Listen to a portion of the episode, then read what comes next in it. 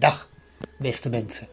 Welkom terug misschien bij de Akroon podcast, waarin ik verhalen vertel met een glimlach.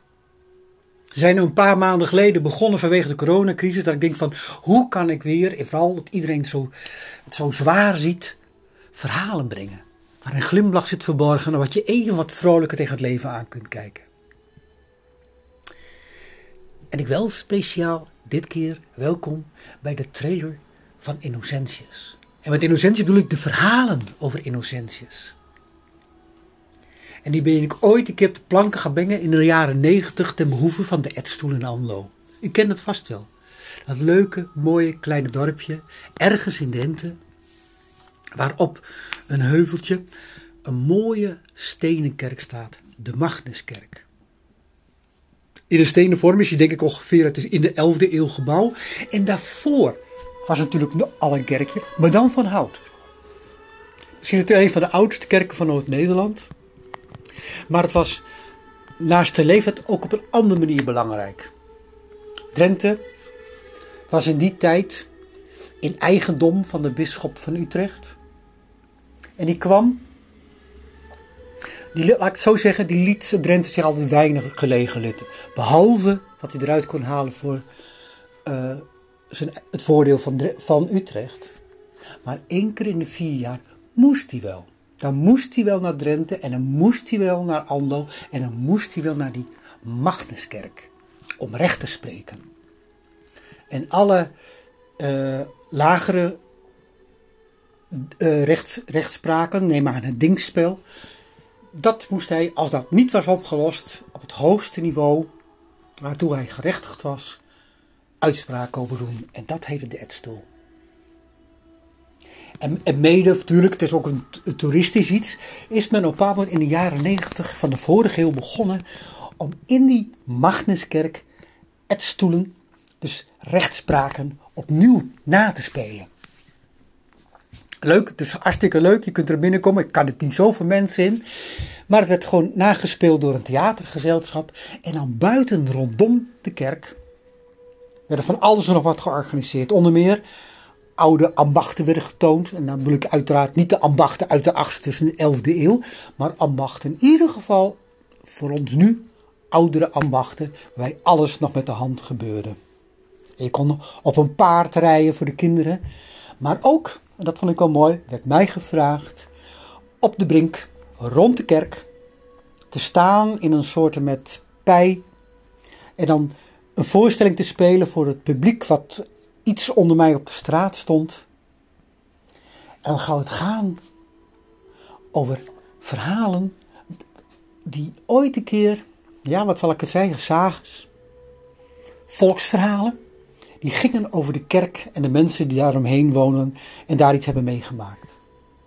En uiteraard, het zijn hele oude verhalen soms. Men heeft ook geen flauw idee of het waar is of niet. Om maar één ding te noemen.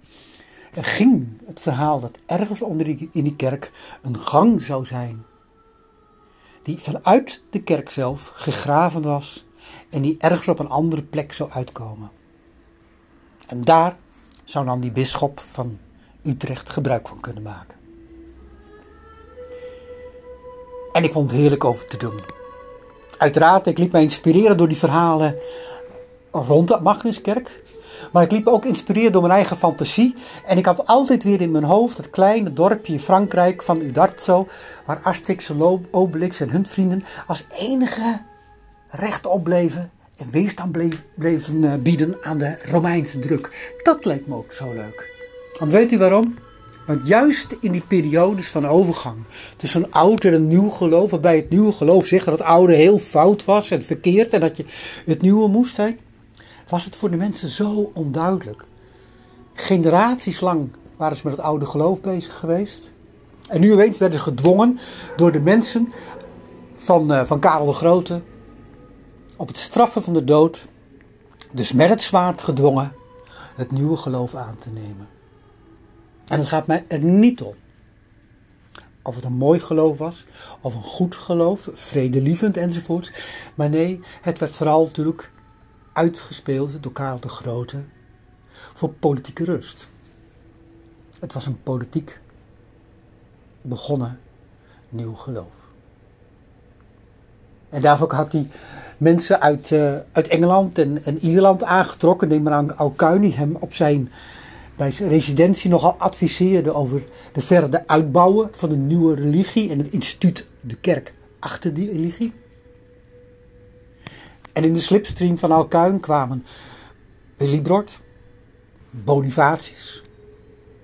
En later in, in Friesland zelf, en dus waarbij Groningen en Drenthe ook deels Friesland was, uh, Liutger. Die heel actief aan het evangeliseren is geweest in Noord-Nederland. En zelfs, als ik me goed kan herinneren, zo'n 36 kleine kloosters heeft gesticht. Die tijd.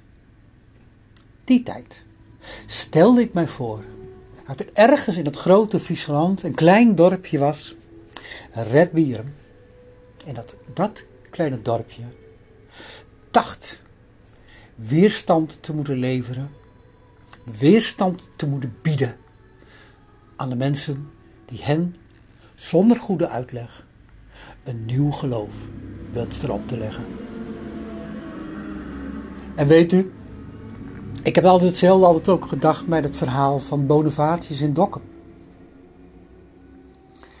Uiteraard, dat, en dat snap ik ook. Wordt het altijd gezegd dat Bonifatius is vermoord door struikrovers of, of kwalijke mensen. Maar ik heb altijd maar gedacht. Ik heb het niet over nogmaals of Bonifatius het goed of fout bedoelde. Nee, dat is niet voor mij aan de orde. Wat voor mij aan de orde is.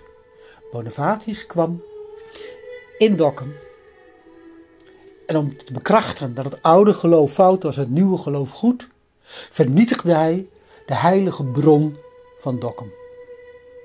En ik heb me altijd zo voorgesteld: het is niet goed om ons leven te nemen, maar ik begrijp wel de boosheid, de frustratie, de totale verbijstering van de mensen die, die dat zagen gebeuren. Nogmaals, over die tijd speelde ik met een glimlach de verhalen op de brink rond de Magnuskerk.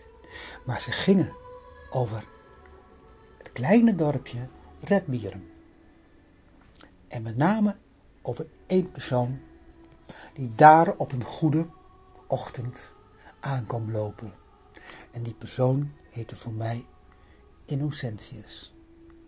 Hij is later bekend geworden als Pater Innocentius, maar nee, ik heb bewust het woordje pater eraf gehaald. Want we weten het niet. Het enige wat we weten is dat Innocentius kwam naar het Bierum en daar het verschil maakte. En daar wil ik een aantal verhalen over vertellen. Deze week volgt het eerste verhaal waar het ooit voor mij mee is begonnen. Het verhaal van de hik.